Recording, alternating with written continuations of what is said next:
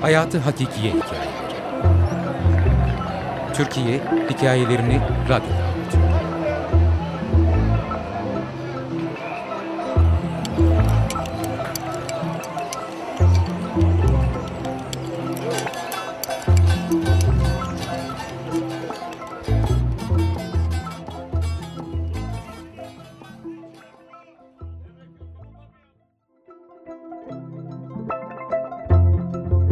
Beslenme Saati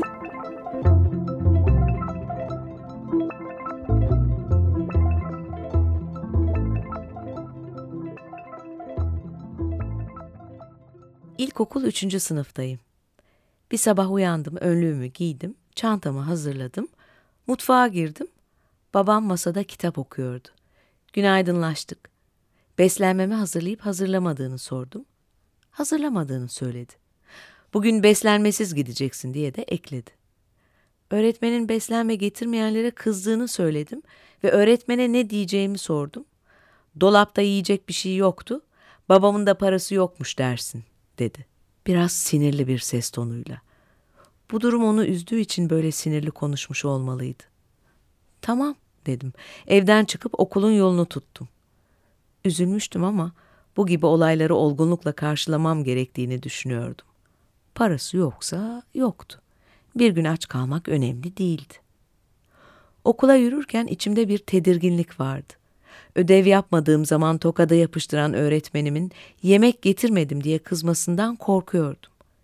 Beslenme saatine kadar karnıma ağrılar girdi. Nihayet yemek saati gelip çattı. Beslenmelerinizi açabilirsiniz, dedi öğretmen. Sınıftaki herkes bez örtülerini serip üstüne yemeklerini çıkarmaya başladı. Karnım acıkmıştı. Sıramın üstü boş durmasın diye ders kitabını kaldırmadım. Kitabı okuyormuş gibi durmaya başladım. İnşallah öğretmen anlamaz diye düşünüyordum. Ayşe, nerede senin beslenmen?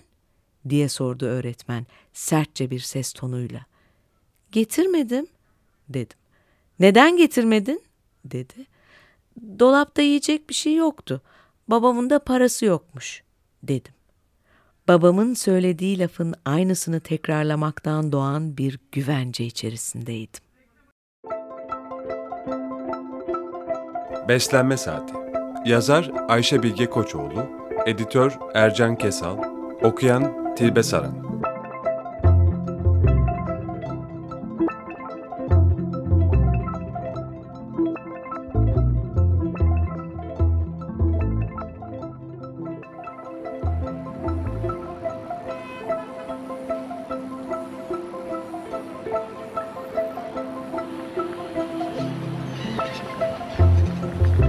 Hayatı Hakikiye Hikayeleri.